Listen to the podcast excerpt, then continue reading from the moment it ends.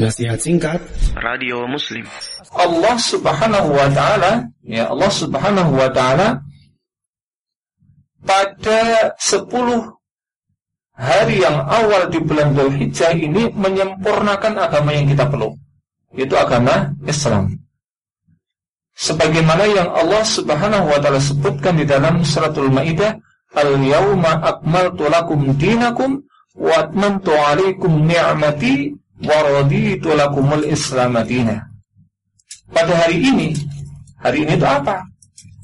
Maka hari ini yang dimaksud oleh Allah Subhanahu wa taala sebagaimana hadis yang disampaikan oleh Imam Bukhari dari sahabat Umar bin Khattab radhiyallahu taala anhu maknanya adalah uh, hari Jumat pada tanggal 9 bulan Dhul Hijjah pada saat Rasulullah sallallahu alaihi wasallam menyampaikan khutbahnya di Yaum Arafah, itu di padang Arafah. Ketika beliau menunaikan haji wadahnya, haji pertama dan sekaligus dari haji yang terakhir. Dalam hadis yang Bukhari tersebut, suatu ketika ada beberapa orang Yahudi yang datang kepada Umar bin Khattab radhiyallahu taala anhu. Mengatakan waya Amirul Mukmin Tahukah engkau satu ayat di dalam kitab suci yang kalian baca? Lau nazalat hadil ayah Lau nazalat alaina hadil ayah La ja'alnahu aidan lana. Ya kata orang-orang Yahudi kepada Umar bin Khattab.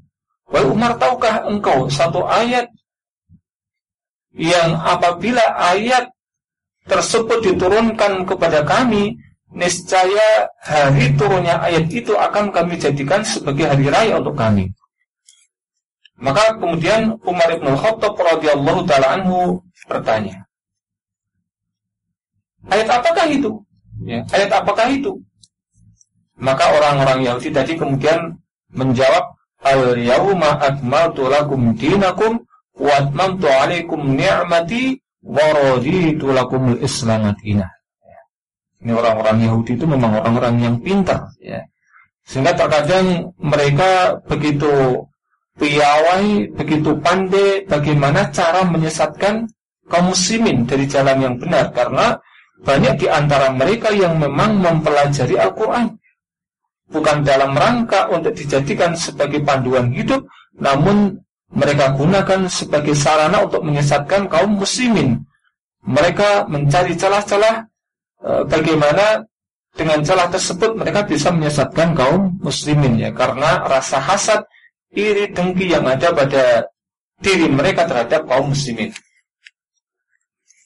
Maka kemudian Umar bin Khattab radhiyallahu taala anhu pun mengatakan, sungguh kami telah mengetahui di mana dan kapan ayat itu turun.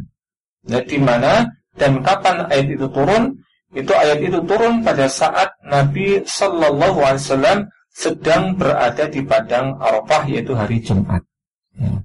Ini jelas bahwa di hari itulah Allah Subhanahu Wa Taala memberikan stempel ya uh, tentang ataupun memberikan legalitas kepada kita tentang bahwa agama yang Allah Subhanahu wa taala ridhoi itu hanyalah agama Islam. Pada hari ini telah aku sempurnakan untuk kalian agama kalian dan telah aku cukupkan nikmatku kepada kalian dan aku ridho Islam itulah yang menjadi agama kalian.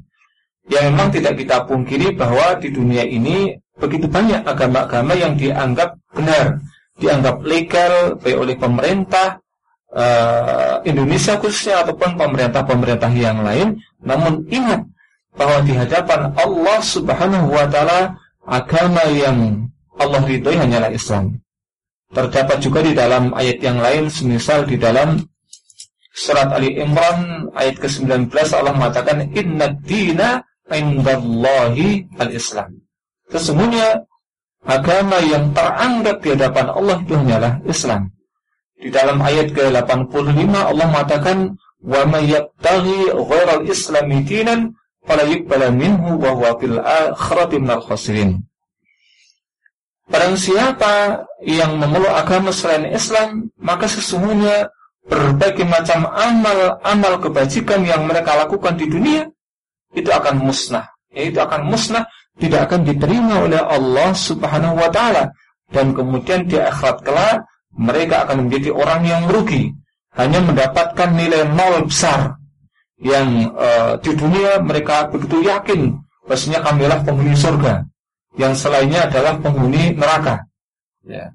Namun sayang bahasanya akan mereka bukanlah agama Islam sehingga itu e, semuanya apa yang mereka bayangkan, apa yang mereka yakini di dunia ternyata tidak ada buktinya di hadapan Allah Subhanahu wa taala.